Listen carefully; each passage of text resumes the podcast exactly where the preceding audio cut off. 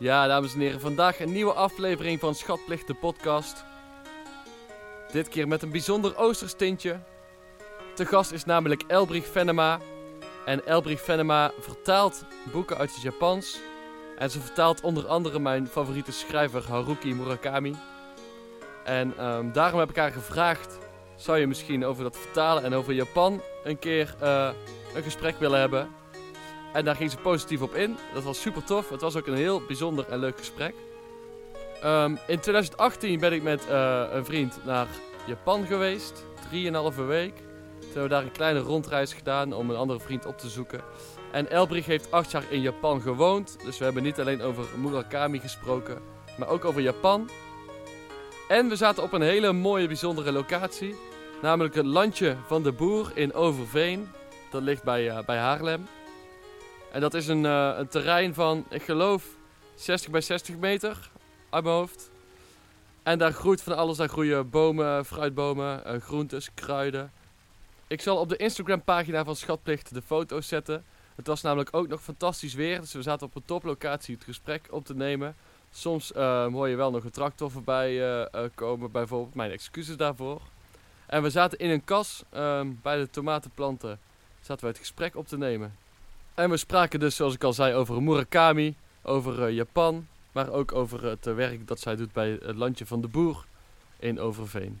Ik wens jullie veel plezier met luisteren.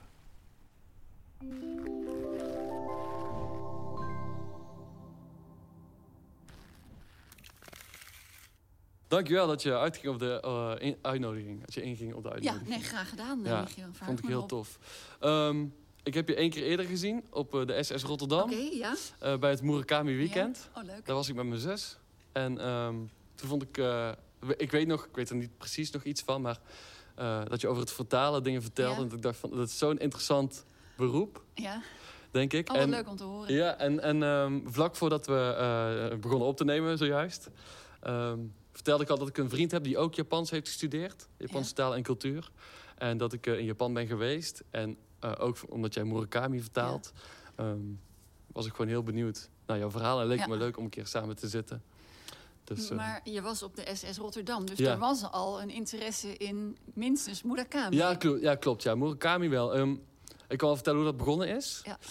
Um, ik had Opwind Vogelchronieken Ja? gekocht, omdat ik...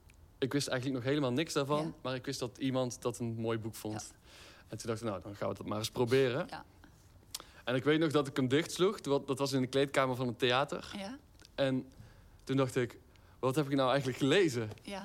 Ik had eh, eh, huh? ik was Ja. echt een beetje in de war en zo. Alleen, ik ben wel meteen... Ik heb wel Kafka strand meteen gekocht. En toen ben ik dat gaan lezen. Nog meer verwarring. Ja, ja, Ja. misschien ja, eigenlijk nog wel meer verwarring, maar ook al meer, nog meer plezier. Omdat het zo raar was. Dat was echt nog, meer, nog raarder, inderdaad.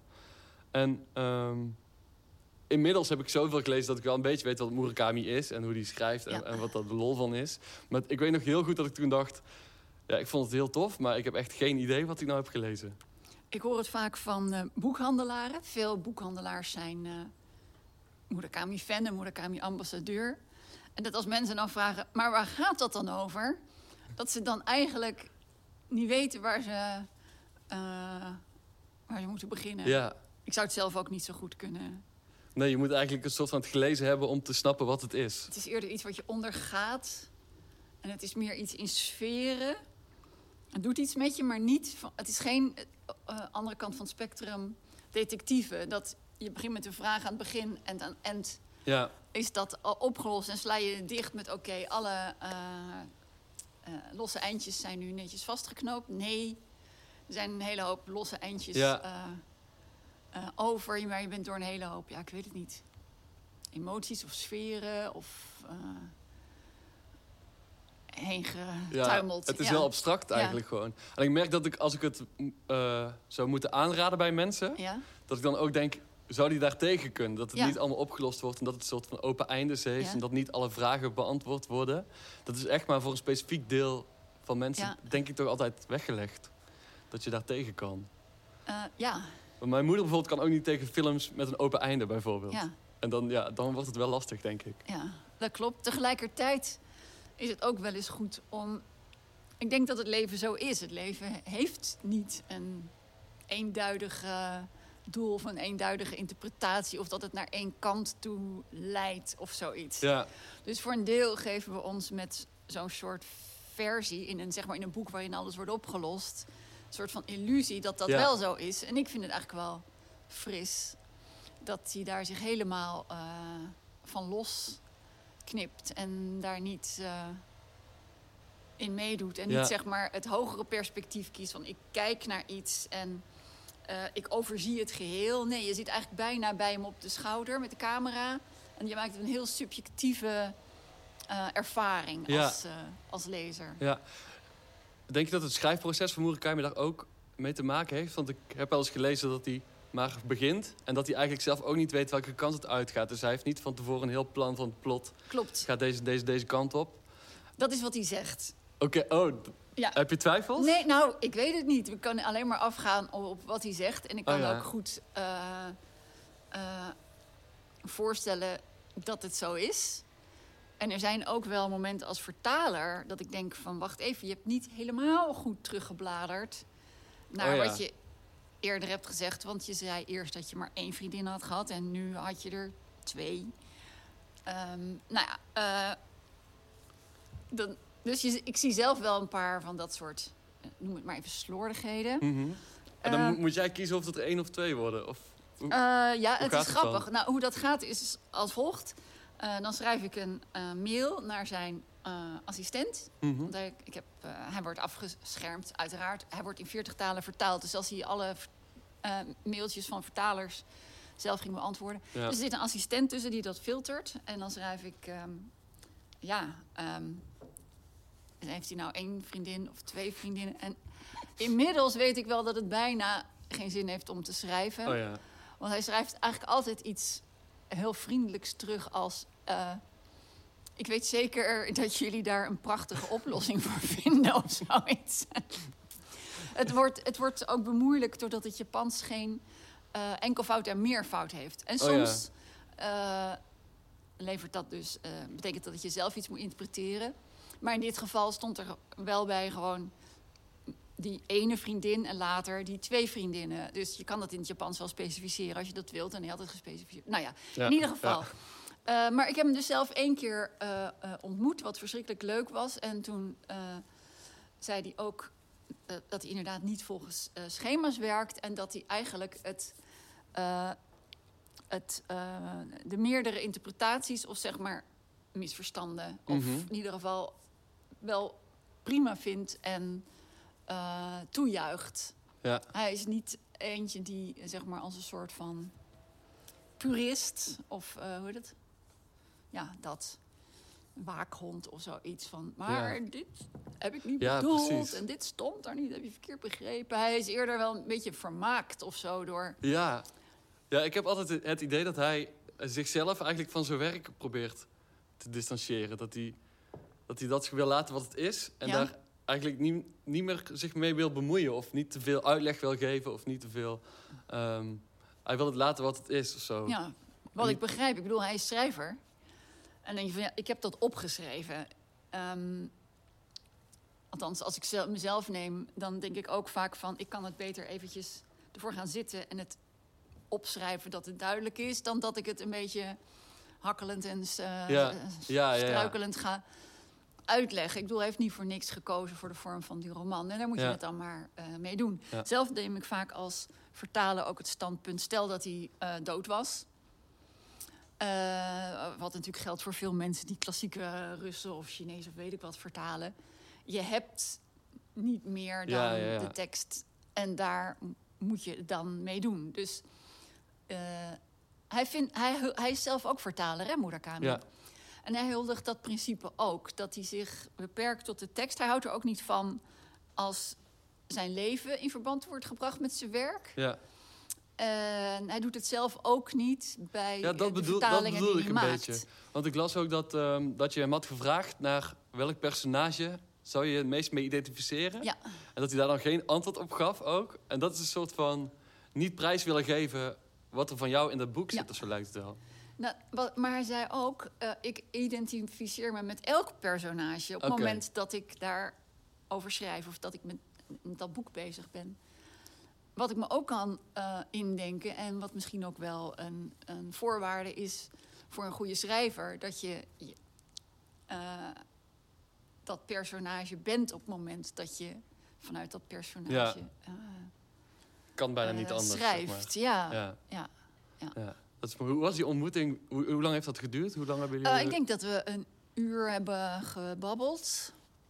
En het was super grappig, eh, want ik was natuurlijk zenuwachtig, zal ik maar zeggen. Omdat Ja. hij, hij staat bekend als mensenschuw, eh, wat niet klopt. Hij is eerder mediaschuw. Hij heeft een Ja. hekel aan op moeten komen draven voor, nou ja, whatever, Ja. publicitaire doeleinden. Maar hij vindt het leuk om met mensen over zijn werk te praten. En zeker met vertalers. Ik bedoel, zonder ons was Ja. zijn werk ook niet beschikbaar voor buitenlandse lezers. En hij is natuurlijk zelf vertaler, dus we, dat zei ik zo ook de hele tijd tegen mezelf. We zijn ook collega's, we zijn vakbroeders. Maar hij vond het in ieder geval leuk om, eh, dat we elkaar zagen. en wanneer is, dit, wanneer is dit geweest? Dit was vlak na de SS Rotterdam, dus dat was Ah, Oké. begin 2018. Ja, denk Ja. het wel. Ja. En eh, eh, hij heeft dan ergens in de stad een klein... Het is eigenlijk een appartementje wat hij heeft gehuurd als kantoor. Maar het is nog een appartementje in de zin van... eh, dat het begint met een halletje waar je je schoenen uitdoet. Dus dat deed ik ook. Ik deed mijn schoenen uit en zet eh, sloffen voor me klaar. En eigenlijk op het moment dat je met sloffen binnen sloft... is er een soort van intimiteit of eh, eh, die soort van ja, innemend is. Waardoor ook een. eh, En daarnaast was hij ook precies zoals ik en waarschijnlijk ook iedereen hem zich voorstelt, dat hij heel erg lijkt ook op eh, heel veel ik-figuren in zijn boeken. Ja. Een beetje verlegen, een ribbroek, een, een, een, eh, hoe een casual Ja. shirt van goede kwaliteit. Ehm, en eh wanden vol boeken. Ja. Waarschijnlijk ook muziek. Op dat moment was er... Hij houdt erg van boeken, houdt ook erg van muziek. Zoals alle Murakami-lezers zullen weten. En ehm, eh, we hadden het over een boek. Hij zei, oh, dat ga ik voor je zoeken. En dat stond ergens op een onderste plank. Waardoor het effect was dat hij dus op handen en voeten... eh, over zijn vloer heen kroop om dat te zoeken. Ehm, in mijn beleving was het zo, ja, wat zou ik zeggen, egoloos. Of hij stond Ja. niet iets op te houden of de beroemde schrijver eh, eh, te zijn. En hij zal niet alles van zich hebben eh, prijsgegeven. En veel van wat hij zei, die antwoorden heb ik later en eerder ook wel eerder eh, gehoord. Maar het was heel open, ja. ja. En heel gewoon En ook. Of, ja, het was natuurlijk niet gewoon. Ik Ja, moest ja, mezelf dat, in mijn ja. arm knijpen van... eh, ik zit hier te babbelen met Murakami. En het gekke was... ehm, ik wilde en durfde hem niet te vragen om een selfie of een handtekening... Of zulk soort... Omdat ik weet dat hij van dat soort dingen niet ja. gediend is. En ik vond het ook zo plat en naar. Maar ik liep de, zijn kantoortje weer uit. En ik dacht, het is eigenlijk heel surrealistisch. Ik heb net een uur met eh Murakami gepraat. De enige die dat weet is hij en ik. Ik sta nu weer buiten en ik heb nul eh, bewijs... Ja. Ja. van dat dit gesprek ooit heeft eh, plaatsgevonden. Kwam natuurlijk ook doordat ik Murakami had ontmoet. Dus die hele sfeer van al zijn boeken... die tuimelde er waarschijnlijk ook overheen. Van, Ja. heeft dit echt... Is dit echt geweest? Ja, ja, ja. ja. eh, dat iemand kwijt kan raken zonder dat er een spoor van... eh, dus uiteindelijk heb ik ehm, eh, de brievenbus gefotografeerd... wat echt nergens op sloeg. Heb je dat ook aan mensen durven laten zien? Dat je, dit is de brievenbus van Murakami. Nee, het is de eerste keer dat ik het vertel. Ja, het was dat het is was wel heel heel grappig. grappig. Maar in 2018 had je al een aantal boeken van hem vertaald Ja. natuurlijk. Ja. Dus, dus je was al wel... Tenminste, zo'n werk van zo'n schrijver vertalen is ook een grote verantwoordelijkheid. Ik kan me voorstellen dat je dat ook wel... Dat je dat voelt of zo. Dat ja, je, dat is ook zo. Ja, en dan ehm, vind ik het ja, misschien opmerkelijk dat, dat er nog zoveel ontzag of zo voor, die, voor de schrijver dan nog is. En, Of- en misschien wel juist. Ik bedoel, ik heb al een Oh ja, heleboel ja, boeken van hem vertaald. Dus eh, ja, ja, ja. bij, zeker bij eh, eh, Q1084, wat ik niet zelf heb vertaald, heb ik al gelezen, dat ik dacht van, het is denk ik een van zijn grootste, misschien niet zijn beste boek, maar wel een tour de force in optima forma. Met krachttour. Ja, denk van, hoe krijg je het voor elkaar om die spanningsbogen over die drie, over die drie boeken te krijgen?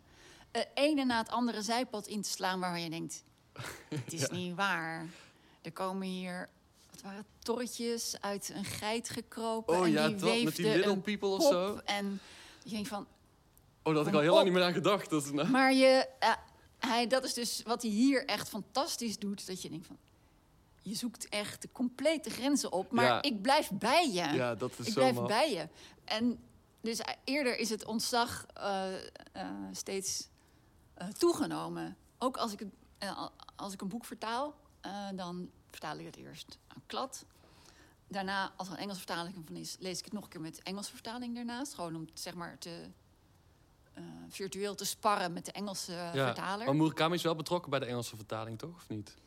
Eh, hij kan in ieder geval de Engelse vertaling lezen. Oh, ik weet niet of hij dat doet. Ik denk dat als hij dat zou doen, dat kost hem zoveel tijd. Hij Oh, wil liever oké. schrijven en Ja, vertalen. Ja, ja. Dus ik denk dat hij eh, dermate vertrouwen heeft in zijn Engelse vertalers. Dat hij dat, eh, dat hij dat laat. Maar ik weet het niet, zou ik hem moeten vragen. Mhm. Ehm, maar waar was ik nou gebleven? Je vertaalt hem en dan ga je de Engelse ja, en dan, erbij pak ik de Engels als hij er is. Dat is niet altijd zo. Eh, ehm, en dan ehm, trek ik nog een keer de stofkam er doorheen met het Japans en soms het Engels eh, daarnaast. Eh, dan lees ik, lees ik het nog een keertje door. Met geen één tekst er, eh, geen één brontekst bij, gewoon puur op het Nederlands. Mhm. Vervolgens krijg ik het nog een keertje terug van de corrector. Er gaat iemand doorheen van de, van de uitgeverij. Die wordt ingehuurd door de uitgeverij om dat pers klaar te maken. Dan krijg ik het nog een keer langs als drukproef. Ja. Dus ik lees het sowieso vier, vijf, Ja, soms zes ja. keer. Ja. Eh, maar het fascinerende is dat elke keer als ik het lees... vind ik het weer fascinerend om daar doorheen te tijgeren. Ja. Ik heb één keer een boek van andere schrijver vertaald. En dat was meer een, zeg maar, een verhaaltje. Het begon met dit en het eindigde daar. En als je wist hoe het afloopt, dus eigenlijk zeg maar een boek wat je moeder eh, fijn vindt. ja. Maar toen ik het voor de tweede keer las, dacht ik van ja, maar ik weet al hoe het afloopt. Mhm. En zeg maar, de weg er naartoe was niet zo spannend. En dat is wel bij, eh, bij Murakami is gewoon... eh, het doel is niet het doel. Eh, de weg is het doel. Ja, ja Dus het, je- het het lezen onderweg is het zijn doel, is, zeg het, maar. is het doel. Ja. Dat is, tenminste, eh, ik heb het interview van Vol Magazine gelezen Ja? met jou. En daar, daarin zei je, het lezen is het doel. Het lezen aan zich. Ja. En dat echt, toen dacht ik, oh ja, bij die opwindvogelchronieken, toen ik hem dichtsloeg en dacht, huh, ik vond het echt te gek, maar we, huh, wat heb ik Ja. nou gelezen, zo, Ja. dat? Dat je zo, ja, dat lezen, dat, dat, de- gewoon die bladzijden ontslaan en, en die rare dingen en, en, en ook de- die, die eenvoud die erin zit qua kleding, dat die gewoon een pagina lang een of andere gerecht bereidt, weet je wel, dat soort dingen. Dat is gewoon fijn om te lezen en dan is Ja. dingen zijn mooi beschreven, maar ja, om nou te zeggen dat het verhaal impact heeft gemaakt, ja, niet echt, maar ook weer wel door, door, de, door de rare dingen, door de, door de, door de losse eindjes. En ja. Ja. het is heel merkwaardig inderdaad. Om dat nou echt je vinger op te leggen, dat, dat lukt me niet echt. Nou, er zit in Q1084, die Tour de Force waar ik het net over had, een scène. Dan is, ik meen de vrouw, hij heeft zich teruggetrokken in een appartement en zijn mensen eh, naar haar op zoek. Eh, en zij houdt zich verborgen. En dan wordt er aangebeld door de man die eh, de kijk- en luistergeld eh, komt innen. En hij zegt, ik weet dat je er bent. Of hij zegt dat hij die man is. Maar we weten het natuurlijk niet. En dat hele, die hele scène weet je niet of het de haar belagers zijn... of dat het daadwerkelijk de man is van de, eh, van de kijker- en luistergeld. En het is zo'n spannende eh, scène... Zou je moeder ook... ook al gaat ze nooit weten wie er nou voor de deur stond... maar het is, eh, dat, was wel een soort van... Hij heeft je gewoon aan zijn, aan zijn tekst gehoekt, Ja, eh, ja, geplakt. ja. Je- je- je- ja, Ja, ik heb mijn moeder wel aan de kleurloze... ehm moet pelgrimsjaren van... Ja. eh, Eh, maar dat is dan weer de enige die ik Ja. nog niet heb gelezen. Dus daar kan ja. ik eigenlijk vrij weinig over zeggen. Ehm, maar de kop is eraf. bij, bij mijn moeder. Bij je moeder, kijk. Ja, ja, ja.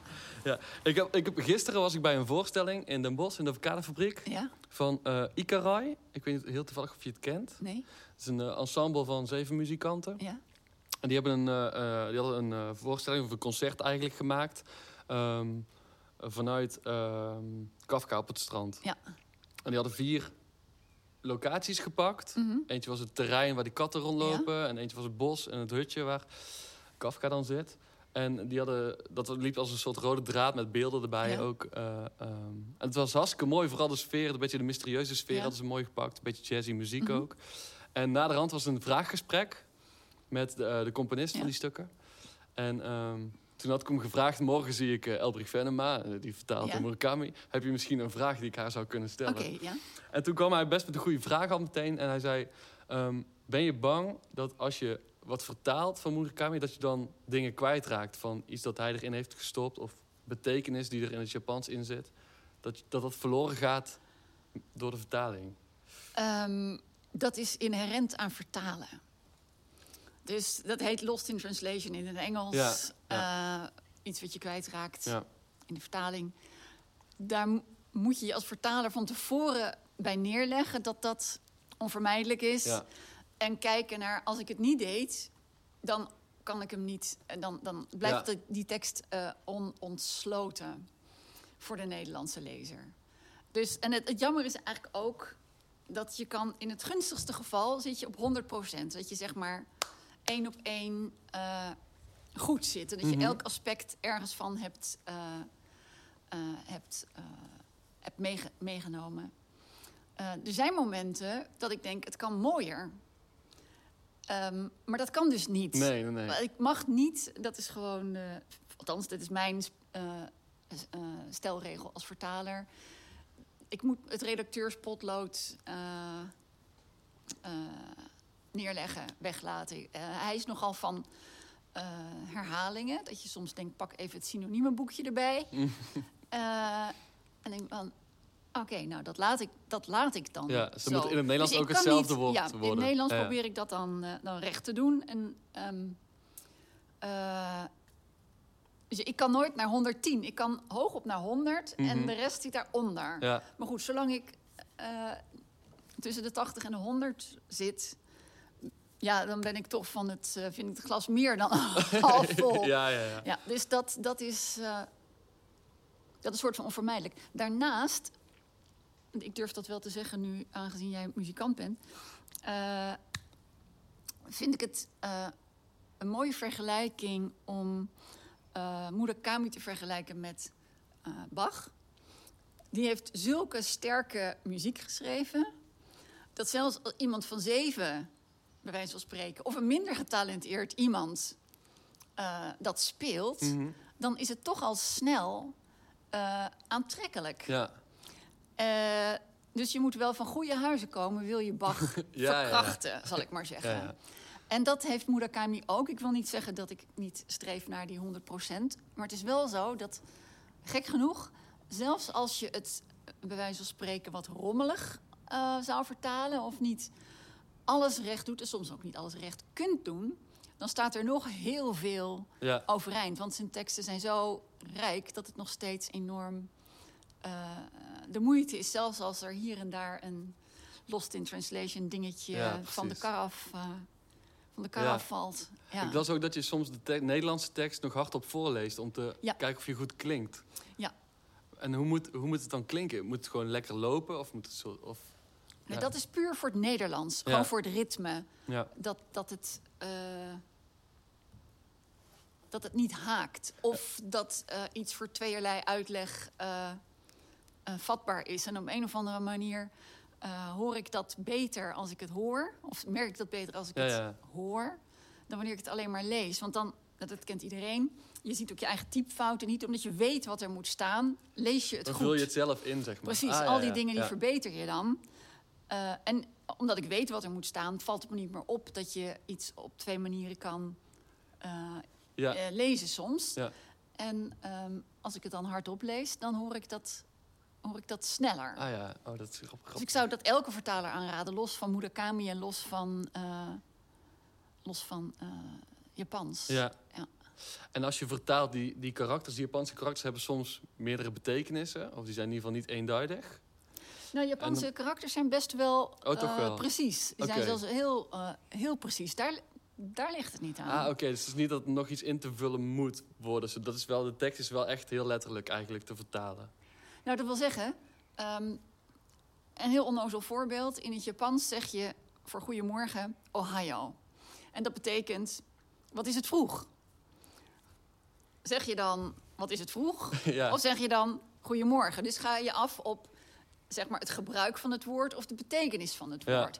En daar zit het, eh, zitten de, eh, de Ah, instinkers. Ja. Dus heel, als iemand in het Japans, of in Japan, of als een Japanner ergens binnenkomt, dan zegt hij vaak: ehm, eh, Ik stoor je of ik val je lastig. En dat is eigenlijk een soort van: Sorry dat ik je lastig val Ja. of ik stoor je. Dus dat, daar, dat zijn lastiger te vertalen. Eh, vaak zijn het heel onnozele dingetjes die lastig te vertalen zijn, omdat het, eh, wij, wij dat niet op die manier zeggen. ja, Of dat is typisch Japans of wat typisch. Japans is. En Ja. ook als je thu- thuis komt in het Japans, dan roep je Tadaima, ik ben er weer. En dan zegt eh, de ander, welkom terug. Dat is in het Japans in el- elke setting super normaal Ja. en casual en huiselijk.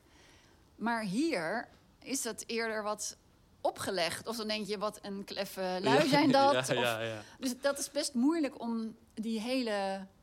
eh, de uitdaging zit eerder in die. In die ja. Dat is gewoon een beetje het vers- verschil in een soort van spreekcultuur of zo tussen ja, Japanners en, en hier. Ja, dat ik kan me voorstellen dat die, die kleine dingetjes dat, dan, dat dat lastig is. dat is lastig. Ja. En verder, tenminste als ik Muraka- Murakami lees, dan denk ik het is niet moeilijk. Het is niet, het is niet dat je denkt ik snap het niet wat er gebeurt. Of zo. Ja. Geen, niet veel Ja. moeilijke woorden. En het, is het in het Japans ook allemaal zo redelijk... eh, ja, korte zinnen met niet veel moeilijke woorden. Is dat Ja. in het Japans ook zo? Ja, is in het Japans ook zo. Oh ja, dus, en wordt hij dan binnen Japan ook soort van gezien soms als... voor- Nou, die schrijft wel heel simpel of zo? Of, Ehm, of is dat niet? nou, hij, eh, Murakami neemt nadrukkelijk zeg maar een, niet- een niet-intellectuelige eh, rol als schrijver. Ja. Verdedigt hij ook. Want Ja. het gaat echt niet om eh mooie schrijverij, bloemrijk of wat dan ook. Het gaat om wat je wilt vertellen. En daar zoek je de woorden bij die dat, die dat eh, overbrengen. Hij is zeker geen stijlmeester. dat je inderdaad Hmm. nou, neem in Nederlands Van het Reven, die gewoon schitterende Nederlands schrijft, vind ik.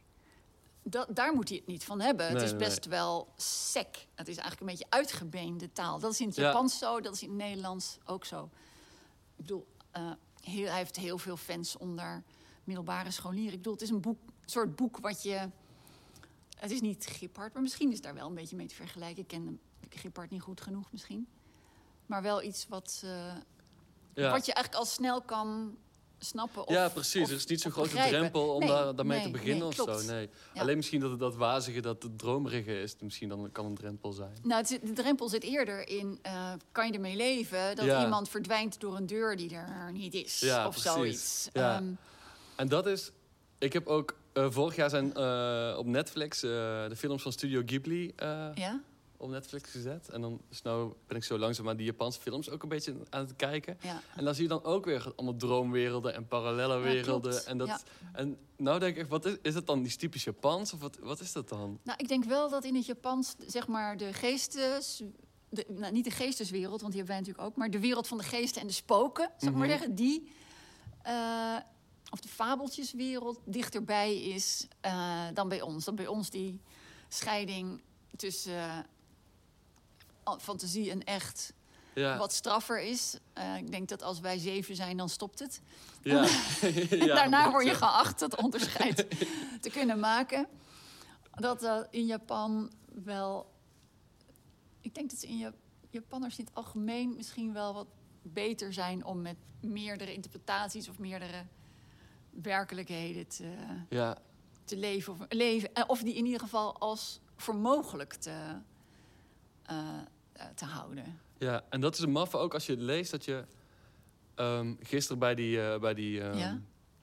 eh, voorstelling bij die beelden kwamen ook de vissen uit de lucht vallen. Ja. En dan, nou, bij, Kafka komen op een gegeven Ja. moment eh, vissen uit de lucht vallen. En als je dat leest, dan denk je ook, ja, dat is heel merkwaardig. Ja. Maar je gaat er wel in mee. En Ja. dat, dat blijft zo maf bij hem dat, dat die daarmee wegkomt. Of dat, ja, dat die, hij daarmee wegkomt. dat, je, ja. ja. dat je erin blijft.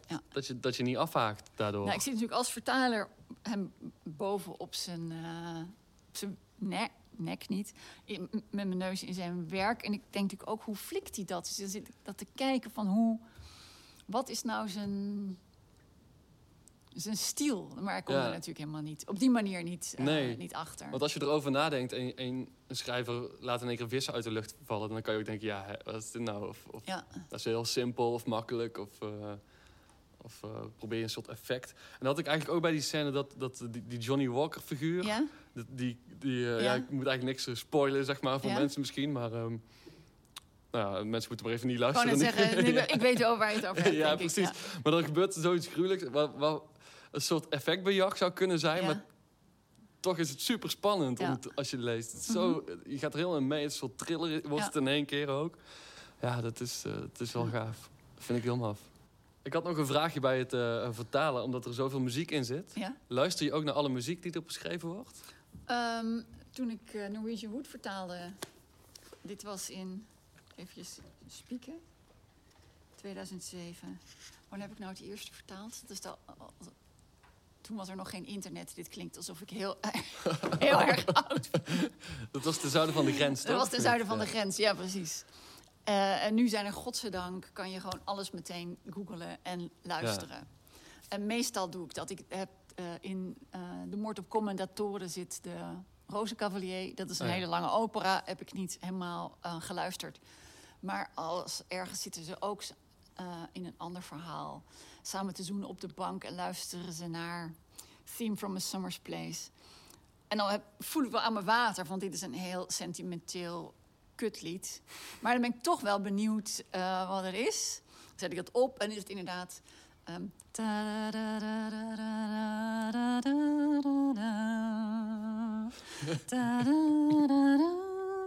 oh ja, ja oké, ik snap het, ik snap het sfeertje. Dus, maar heel veel mensen doen een... eh, of althans, er zijn meerdere mensen die afspeellijsten hebben gemaakt... Van alle muziek die in een eh Murakami-boek Ja. eh, voorkomt. En dat zijn al heel snel dingen waar je 24 tot 48 uur mee, eh, mee onder de pannen bent. Ja, ik heb één zo'n playlist geluid, maar dat staat zoveel muziek in, dat is niet te doen. Maar ook als iemand, een, of als hij een album beschrijft, dan staat meteen het hele album erin en zo. Ja, dat is ook, tikt wel aan natuurlijk. Ja. Nou, in zijn... ik heb Eerste Persoon Enkelvoud, is het laatste boek wat ik van hem heb vertaald. Zit een hilarisch... Ik ben geneigd aan de achterkant open te doen, want Japans opent aan de achterkant. Oh, ja, ja, ja. Maar een hilarisch verhaal in eh, Charlie Parker Plays Bossa Nova. Eh, eh, in het verhaal, Charlie Parker Plays, Plays Bossa Nova... dan is hij in een eh, winkel met tweedehands eh, jazzplaten.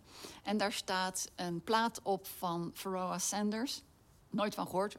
Maar ik heb dat ge- ge- op Spotify, of weet ik waar, Hm. YouTube, gevonden. En ehm, eh, het, eh, een van zijn eh, meest bekende nummers is... eh, The Creator has a Master Plan. En ik vind dat dan super grappig dat hij dat erin stopt. Ja, als een soort... eh, Al een soort van hint. ja, ja, ja. Want er gebeurt natuurlijk weer iets wat helemaal niet kan. Ja. Dus dat je het gevoel hebt van... oké, wij zitten aan marionetten en Ja. Het is een soort gospelachtig, eh, met heel veel herhalingen. Oké. eh, nummer. Is ook leuk om eh, eens terug te luisteren. Dus ik, het is, ja, ik, vind, het- ik vind het altijd leuk om dat te, te, om die muziek te luisteren Ja. die in zijn boeken voorkomt. Ja, als je dan dat soort verborgen dingetjes vindt of zo, dan kan ik dat goed voorstellen dat dat heel grappig is. Ja. En ehm, je hebt zelf ook in Japan gewoond, toch? Ja. Of niet? Hoe lang was dat? Eh, acht jaar. Acht jaar, oké. En waar ergens? En was in Tokio. Oké. Ja, Tokio is in Japan wat Parijs is voor, Ja. voor Frankrijk. Ja, het is een bizarre plek. Ik ben er dan ook acht dagen of tien dagen of zo, zoiets dergelijks. Ja.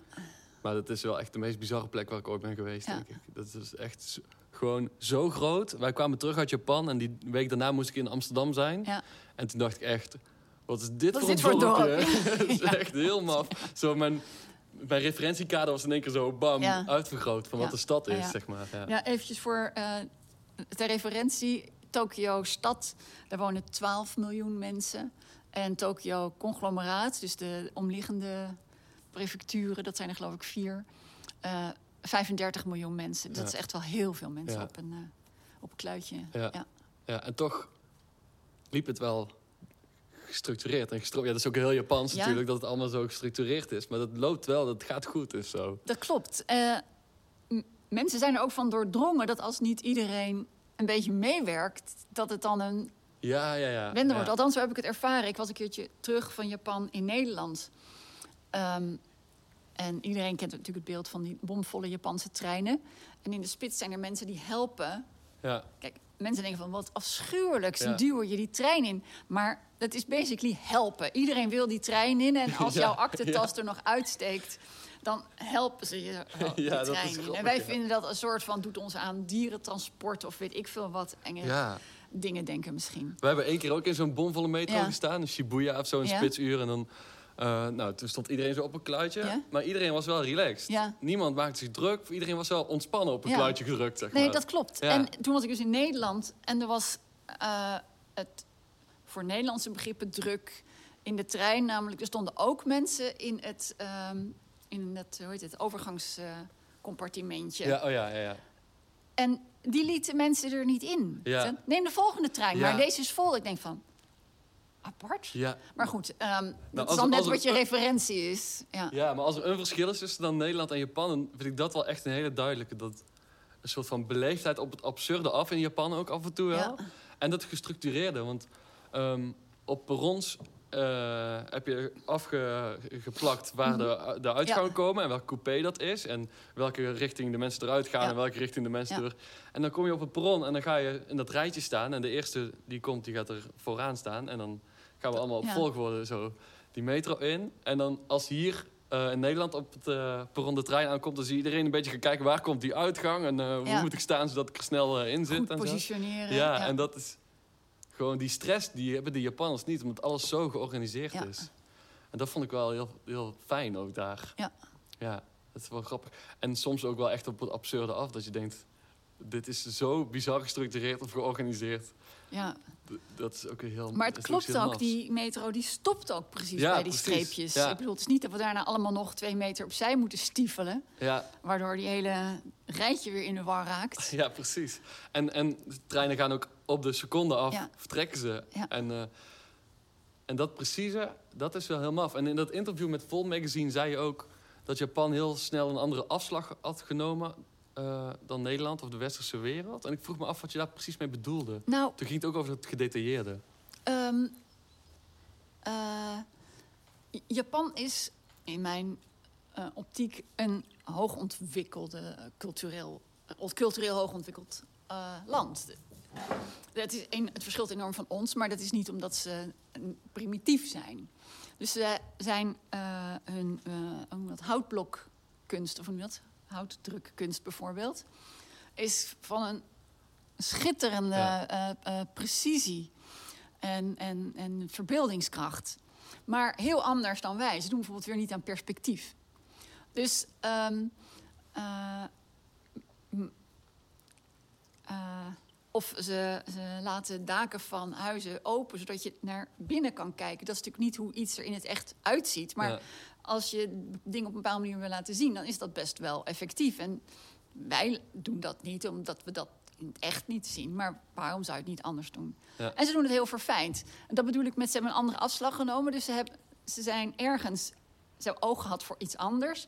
Bijvoorbeeld, eh, Japanners die hebben eindeloos gedichten geschreven over de maan en de sterren. Ze zijn nooit op het idee gekomen van astronomie, Oh ja, bijvoorbeeld. ja. Ehm, eh, als je kijkt naar de Japanse kookkunst, dan is dat een heel verfijnde en geraffineerde en hoog ontwikkelde, bla bla bla. En daar moet je heel lang over doen om, voordat je dat ja. kan. Ehm, maar sushi is niet te vergelijken met eten in een Frans restaurant. Hmm.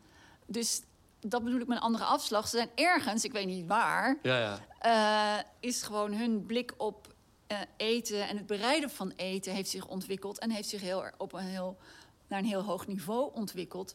Maar die hebben ergens een heel andere, ja, ik moet even afslag genomen. Ja, ja, ja. eh, dan, dan, eh, dan, onze, dan onze cultuur. Ik vind dat heel eh, fascinerend. En dat zegt, vraagt natuurlijk ook weer iets over, zegt weer iets over. als je ziet hoe anders het kan, reflecteert dat ook weer op je eigen cultuur. Van waarom zijn wij eigenlijk van die hoge kerk, kerken gaan bouwen? Terwijl in Japanse tempels altijd plat zijn en zeg maar verdwijnen in het landschap. Ja, Die zijn klopt, eigenlijk zeg ja. maar meer aards. En onze kerken zijn juist naar het, ja. eh, het hemelse zeg maar gericht. Dat is echt nu je dat zegt, dat, ik- dat ik denk, ja, inderdaad, ja, dat, dat is zo. Ja. Alleen die pagodes die gaan de hoogte in, maar voor de rest is alles Ja, laagbouw of zo, ja. dat is met dans ook zo. Ehm Japanners die bewegen in kabuki of in dans juist eerder een beetje door de knieën. Terwijl wij op onze... Ja, als wij op, spitsen, ja, eh, spitsen, ja, ja, ja. spitsen is Ja. onze, onze ballet... eh, Dat is een heel maf Balletvorm. verschil. Wat, Ja. zo, wat betekent dat dan? Of is dat gewoon toevalligerwijs? Ja, dat, ik, heeft ik vind dat. eh, ik, het fascineerde mij, omdat ik denk van dat is wel heel eh, eh, geraffineerd en, eh, en, en, en ja, knap en ontwikkeld. ja, Maar weer heel anders dan wat wij. eh, en we zijn, zijn, als je niet oplet, dan word, word je snel zelf de maat der dingen. Of worden wij eh Ja, egocentristische of westers-centristische mensen... die denken dat dat dan... Ja, de, we vinden onze cultuur is. de maat der dingen. Dat je op die manier moet zijn en ja, kijken en doen. ja. Wat ik wel, dat zeg maar de keerzijde van de medaille met het perfectionisme... ehm, is, is die druk die overal op ligt. Ja. En je hebt ook een, een eh, boek geschreven over hoe Japan werkt, Ja. heet het? Waar het volgens mij, ik heb het niet gelezen, maar dan gaat het volgens mij over, over het werkende leven in Japan... Ja. en hoe ontzettend eh, ja, veel stress daar ook mee gemoeid is. En dat, dat, vond ik, dat lijkt ook wel een beetje de keerzijde van dat altijd maar perfect stipt dingen willen doen. Ja, tuurlijk. Eh, eh, ik wil ook niet zeggen dat wij het zouden moeten doen zoals Japanners. Ja, En het klopt helemaal dat er doorgeslagen dingen in zitten waarvan je denkt dat zou ik helemaal niet, niet ja nou niet, niet per se van wat er beter is of niet, maar gewoon het verschil. En dat, in Japan heb ik ook heel veel mensen in restaurants zien slapen, in de metro zien slapen. Heel, over- Ja. Overal lagen mensen te slapen. Ja. En ehm, die vriend die, die van mij die dan in Japan werkt, die krijgt Ja. meer vakantiedagen omdat hij buitenlander is. En dan zijn, er- zijn ze iets coulant- coulanter. Maar ja, hij vertelde dat Japanners dan 10 of 14 vakantiedagen krijgen per jaar. En als ze ziek zijn, dan moeten ze een vakantiedag opnemen. En, eh, Ja. ja, dat soort dingen. Dan, dat, ja, dat is ook wel echt bizar ook wel. Nee, dat klopt. Het, dingen veranderen een klein beetje, maar toch grosso modo moet je zeg maar tussen je nulde en je 22e voorsorteren op waar je dan ongeveer gaat landen als je die maatschappij in, Mhm. inschuift. En dan kan je het bij wijze van spreken eh, uittekenen. Ja, Dat, dat, zo gaat de rest van je leven er dan. Dat, die, die, die marges die zijn niet zo. eh, die bandbreedte zal ik bedoel, bedoel ik eigenlijk. Van, van, eh, van variatie, die is niet zo, eh, niet Dus zo het is- groot. Is, het is gewoon op een gegeven moment is dat je weg en dan kan je er bijna niet meer Ja, en zo. dat, dat ehm, is je, je, je moet misschien van een klein beetje, maar ik vrees eigenlijk dat het niet idioot zo is. Je moet vooral via je op, opleiding eh voorsorteren. Ja, En voor mannen is dat dan vooral de, voor een goede baan. En voor vrouwen is dat een goede man. Toch ja, nog. ja, ja. Ja. En verandert dat langzaam dan nu? Of, Ja, of heel erg langzaam? ja, ik denk dat het toch heel erg langzaam is. En wat je vaak ziet is dat du moment er veranderen dingen. eh, eh, maar als er dan een klein beetje tegen zit, dan schuift het toch weer meteen naar hoe het Oh, altijd ging. Dus dan, eh, en zo'n verhaal als over die, die mafkees van het Olympisch Comité... die iets raar zei over vrouwen, dat die moesten dan... ah, wat zei die nou? Oh, dat ze te veel babbelde, dat ze daarom niet met ze te vergaderen viel. Oh, dat heb ik gemist. Of Oh, ja. oh, vrouwen die eh, hakken op moeten, of dat vrouwen achter een balie geen bril op mogen. Van die hele, wat wij inmiddels seksistische eh, Ja, eh, maatstaven vinden, die nog in Japan helemaal niet zo raar worden gevonden. Want dan zijn er een heleboel mensen nog die denken dat ze dat kunnen, kunnen zeggen Ja, of ja, ja. vinden of, of opleggen zelfs. ja. Dat dan, ja. Dat is, het is ook super conservatief, conservatief land in die zin. ook. Ja. En toen, wat me ook echt opviel aan Japan was dat die contrasten zo ontzettend groot waren. Mhm. En ook op de SS Rotterdam met het weekend Ja? ging het dan ook over eh, jazz, jazzbarretjes in, eh, in Japan. Ehm, ook omdat Murakami zelf een jazzbar had. Ja. En toen, eh, nou, toen wilde ik ook wel eens naar een jazzbar Ja. in, in Japan. Toen waren we in Osaka en toen waren we in een gigantische winkelstraat. Mhm. En toen, eh, nou, we googelen en toen was er dus een jazzbarretje ergens op de achtste verdieping Mhm. van die straat. En toen gingen wij daarin en een liftje daarheen. En toen kwamen we in een superklein Ja. jazzbartje met helemaal vol met platen met één oude eigenaar die ook echt alles wist. En dan zaten we daar met eh, nou, misschien nog drie mensen in een hele kleine ruimte. En, en eh, nou, dat vond ik hartstikke leuk om te zien. Ja. En toen kwamen we weer terug beneden. En toen dacht ik, oh ja, we stonden echt in de grootste winkelstraat die ik ooit had gezien. Zo, Dat was zo maf. Ja. Zo'n klein... En Ja. zo overal in die grote straat heb je zo tien verdiepingen hoog. Al van die kleine klopt. restaurantjes en, en barretjes. Dingetjes, plekjes. En dat vond ik echt, echt geweldig. Dat was echt, echt heel grappig. En ook in zo'n grote straat stond er dan in één keer een tempeltje... waar zo acht monniken met een vuur aan ma- een soort mantra's aan het zingen waren. Ja. En dan stond je daar weer even naar te kijken. En toen liep je weer verder en toen dacht je... oh ja, oh, we, waren in een su gro- supergrote moderne stad. En dat, Ja. dat is zo maf daaraan. Ja. Maar ook, ook, ook heel fascinerend. daardoor. Zeer fascinerend. Ja. ja. Ja. Die tegenstellingen in zo'n land. En ehm, even kijken hoor. Oh ja, ehm, je hebt zelf Japans in Leiden gestudeerd ook. En eh, in het magazine, Vol Magazine, stond dat het i- was omdat je iets nieuws wilde leren. Eh, ja. En toen dacht ik, was het echt zo, ik wil iets nieuws doen, nou dan maar Japans? Of had je wel iets meer met Japan? Nou, ik had dus, wat ik met Japan had, was dat gevoel van... Het is een hoog ontwikkeld, het, de, s- eh, dus het, dat die, die vechtsporten, de, de, ehm, die prenten, het eten, waren wel dingen... ik denk van, nou, dit is wel een heel fascinerend Ja, land. Maar om nou te zeggen dat ik een heel helder beeld had van wat ik ermee wilde, wat ik ermee kon. Het was best vaag. Maar ik wilde inderdaad iets dat ik denk, oké, dus je... Ik had, had, had, wel een voorgeschiedenis, want ik heb één jaar Nederlands gestudeerd. En toen dacht ik na dat jaar, van wat heb ik nu geleerd? Dat iemand anders zegt, ja, ik heb jou nodig omdat jij Nederlands hebt Ja, ja, ja. gestudeerd. ja. dacht ik, het, voelde allemaal zo vrijblijvend. En toen dacht ik, ik ga iets leren wat ik, wat ik nog niet kan. Dus dat ik over drie jaar, vier jaar, of wanneer ik dan iets zou hebben... toen ik met drie had ik mijn kandidaat... kon zeggen van, oké, ik wist niks en nu, nu kan ik iets lezen. Of nu weet ik iets. Dus dat had natuurlijk van alles kunnen zijn. En dat, dat, werd, eh, dat werd dus Japans om die verder niet idioot eh, gemotiveerde gevoel van... nou, daar, daar zou ik iets kunnen, Oh, ja. iets kunnen vinden of kunnen, Dus die, kunnen dus die ontdekken. fascinaties gaandeweg heeft, heeft het een beetje vorm gekregen dan?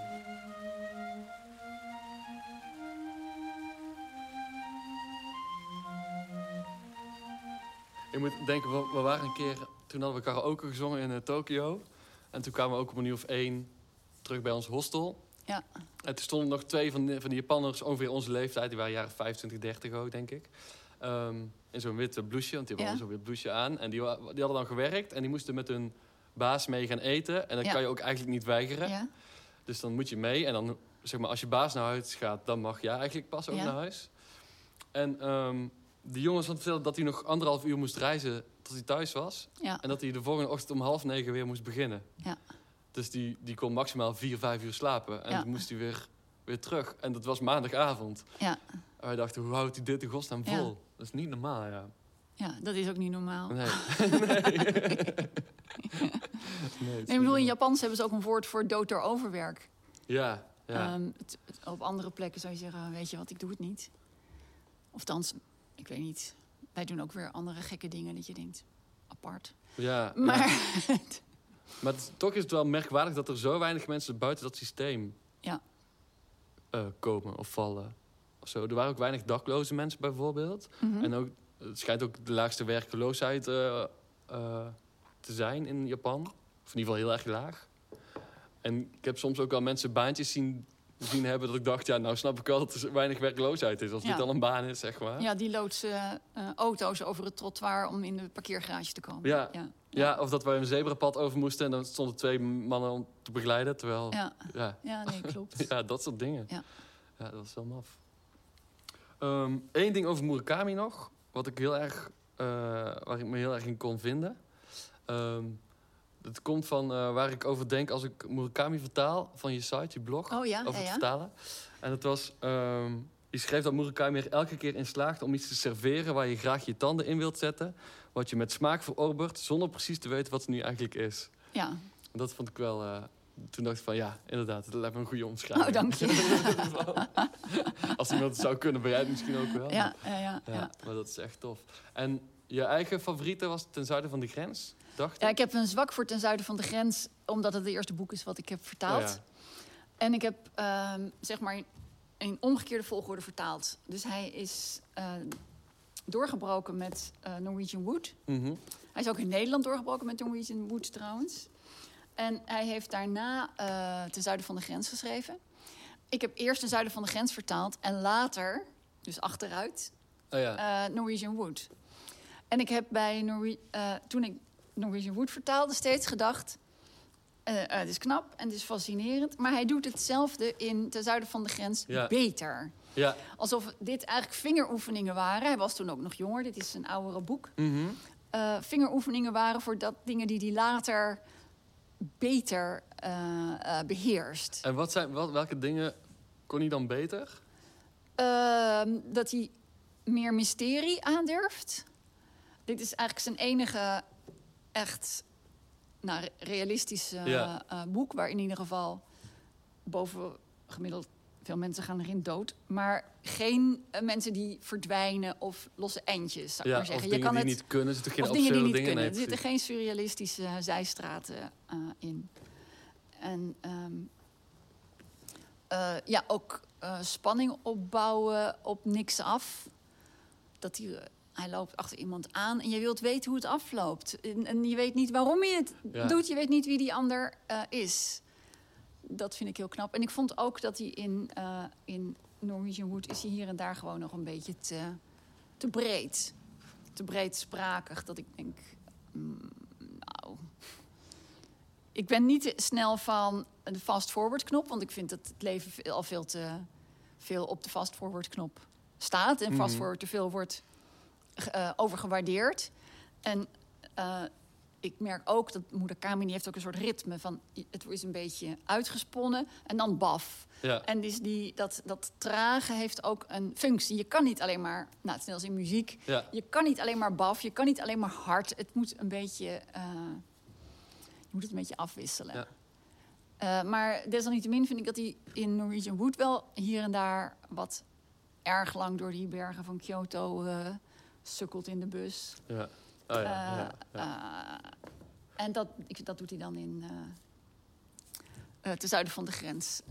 doet hij beter. Dat is En- wel grappig dat zo met muziek te vergelijken is. Als in tempo zit erin, Ja. spanning. En Mhm. al die elementen zijn eigenlijk hetzelfde in een muziekstuk inderdaad. Ja, klopt. Ja.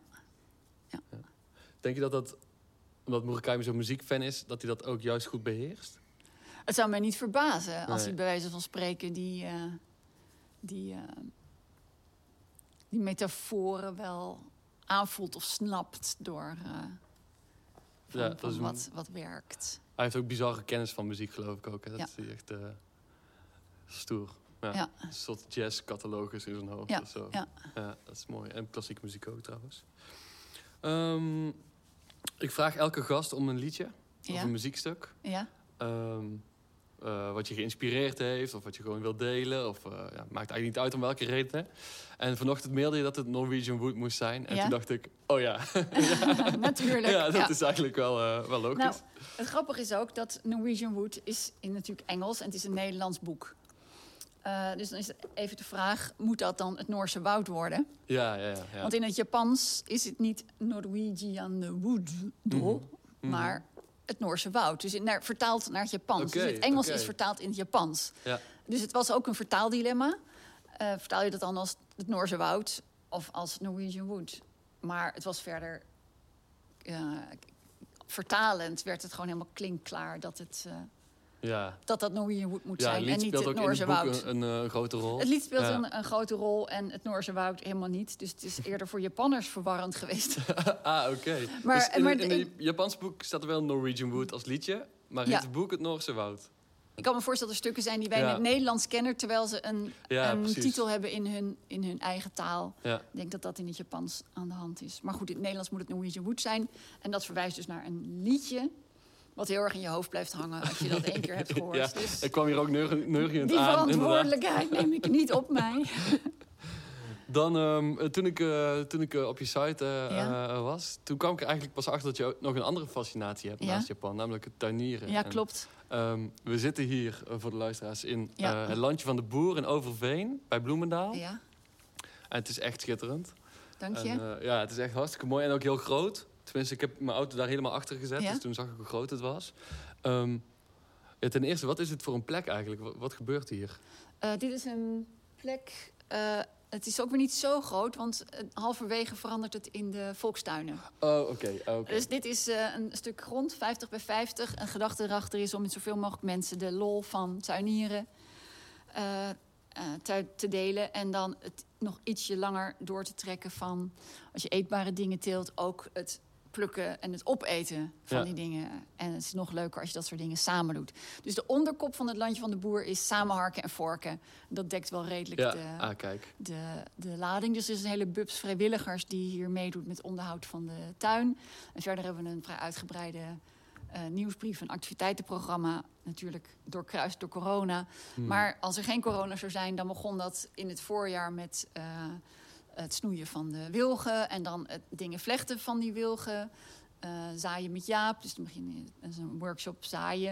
En dan op een goed moment ga je dingen planten. En op een goed moment eh, is een kinderworkshop. En eh, aanschuiven bij, bij. Marlies. Want Marlies kookt dan iets met al die dingen. En het jaar eindigt dan met eh, pompoenkookworkshops. Of in ieder geval iets wat... Ja, Dus de tuin die bepaalt het hele ja jaar precies. door. je krijgt het, zo een ja, jaarplanning in de, in de schoot geworpen ja, eigenlijk. Door de, door de, door de tuin. Ja. Ja. En, en ja, het is gewoon super leuk om dit te delen. We hebben hier zoveel mogelijk ingepropt wat we maar konden bedenken. Dus er zitten zowel bloemen in, eh, eetbare bo- bomen, zoals fruitbomen, Oh ja. eh, eh, klein fruit, dus de bessen, aardbeien, dat soort dingen. Eetbare kruiden. en natuurlijk het hele moestuin gebeuren. We hebben hier een kas. Dus hier hebben we dan de druiven, typische kasteelt, zoals inderdaad de tomaten Ja. en dergelijke. Dus, eh, en een, we hebben een keuken. Dus je kan ook hier prima uit de voeten met wat En we je zitten dan... aan een soort eettafel. We zitten Dus aan een lange eh, tafel, dat was- hier. Dat klopt. Dat was vanaf het begin. eh, dus omdat we samen eten. nou, kom op. Samen harken en vorken. Ons motto is. We altijd lange tafels, altijd gastvrij. Ja, En ook dat je niet met je eigen clubje, maar ook altijd de, de uitwisseling stimuleert. Heeft ook een beetje geleden onder eh, corona. Maar we hebben dus nog een keuken met een goede vaatwasser, onder andere ook. oh, luxe. En eh, we hebben een, eh, hoe heet het, een houtoven, pizza. Je kan hier een fukkie stoken. Dus dat je eigenlijk alle tools en alle ingrediënten hebt om te spelen, te koken, Ja. te eten, te, te genieten met elkaar. En dan, dan een beetje educatief, dus te delen wat er allemaal aan leuks te beleven ja. En je hebt zelf ook kennis in een boek, het grote moestuinieren Ja, boek. ik eh, heb, daar, dat is mijn, ja, ik heb echt een soort van twee departementen. De Ja. een is eh, het vertaalhelft. En de andere is, dat is echt, nou ja, zeg maar op zolderkamertje. Ik met mijn eh, woordenboeken en mijn hersens. En die tuincomponent is Met de handen. met, de handen, Ja. met andere mensen, met de aarde, eh, fysiek. Dus eh, je kan het proeven en eten, Ja, ja, ja. aanraken.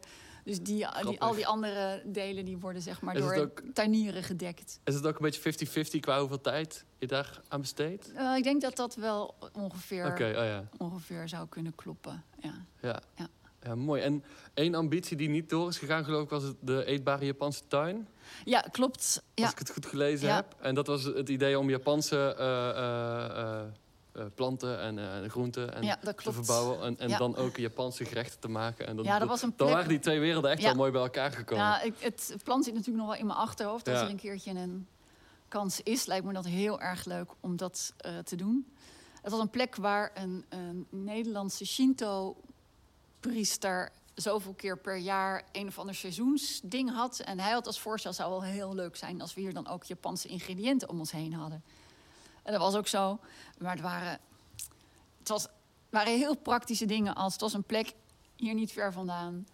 eh, waar je zoals in de hele Kennemerduinstreek last hebt van de herten die... eh, ehm, Oké, dat was de eerste. Hoe Oh ja. zorg je dat die herten niet je Japanse tuin in springen, wandelen, eten? Ja. En toen, voordat alles... Nou ja, we kwamen er gewoon niet uit, omdat... eh, zeg maar laagdrempelig op te lossen. Dus dan zit je meteen met dingen die heel kostbaar worden. Uiteindelijk, nou, ik weet niet meer precies waar het allemaal op mis is gegaan. Hmm. Ehm, in ieder geval, we hebben er nog leuke tekeningen van liggen. Van zowel eh, Ja. dingen die... eh, ja, je moet natuurlijk kersenbomen planten. Maar ja, ja, ja. Ja, daar komt kom je niet en aan. dat is natuurlijk leuk. Maar ook eh, Japanse kweeappeltjes. En ja, eh, het zou heel leuk zijn geworden hoor. Ja. Maar nog niet Ja. helemaal, Nee, nog niet eh, helemaal. weggegooid, Nee, dat nee, idee. nee, nog ergens eh, borrelt het nog. Ja. Zo, nou Ja. ben benieuwd dan in de toekomst. Ja. Ehm, ik denk dat ik je voor nu gewoon heel erg wil eh, bedanken voor het eh, gesprek. Heel graag gedaan, eh, Michiel. Dank je wel voor eh, te komen. En, eh, Ja, nee, ik en je belangstelling en je voorbereiding. En eh, je komt op hele mooie plekken terecht. Hè? Dat is graag gedaan, ja. Nou, bedankt. Ja, dat was het gesprek, dames en heren, met Elbrich. Ik wil Elbrich nog super erg bedanken hiervoor. Het was echt heel tof. En ehm, dit jaar kwam een boekje van Murakami uit, Een kat achterlaten. En toen ik de laatste twee pagina's daarvan las, ehm, dacht ik, daar moet ik iets mee. En toen heb ik een liedje geschreven. En dat liedje heb ik wel eens een keer live gespeeld al. Maar ik wil het ook achter deze uitzending plakken. Omdat ik het eh, zo daarbij vind passen. Want zonder de vertaling van Elbrich was ook dat liedje er niet geweest. Dus als het gaat over schatplichtig zijn, nou, dan is dat een mooi voorbeeld. Ik wens jullie veel luisterplezier en tot de volgende aflevering.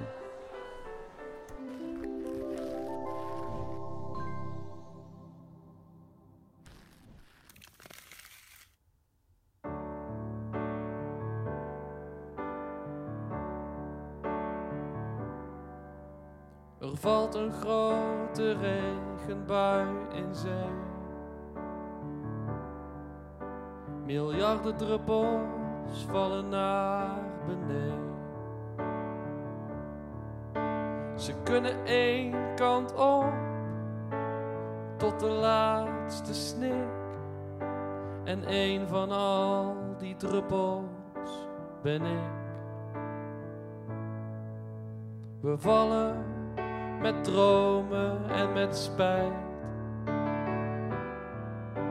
Slaven van zwaartekracht en tijd. Vanaf de eerste tel, in wezen vogelvrij. En een van al die druppels ben jij. We zijn nog van elkaar te onderscheiden. Maar het valt niet te vermijden dat we ooit zullen verdwijnen in een zee. En tot die tijd val jij aan mijn zijde met me mee.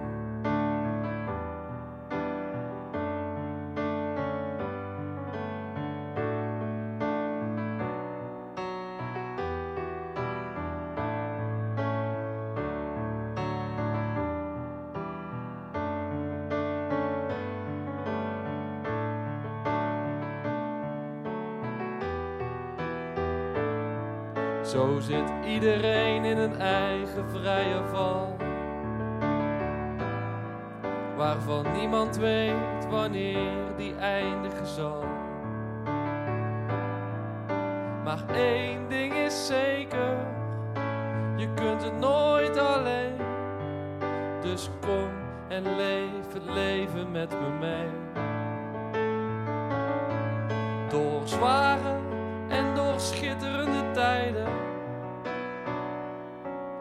Totdat onze wegen scheiden, omdat ook wij zullen verdwijnen in een zee.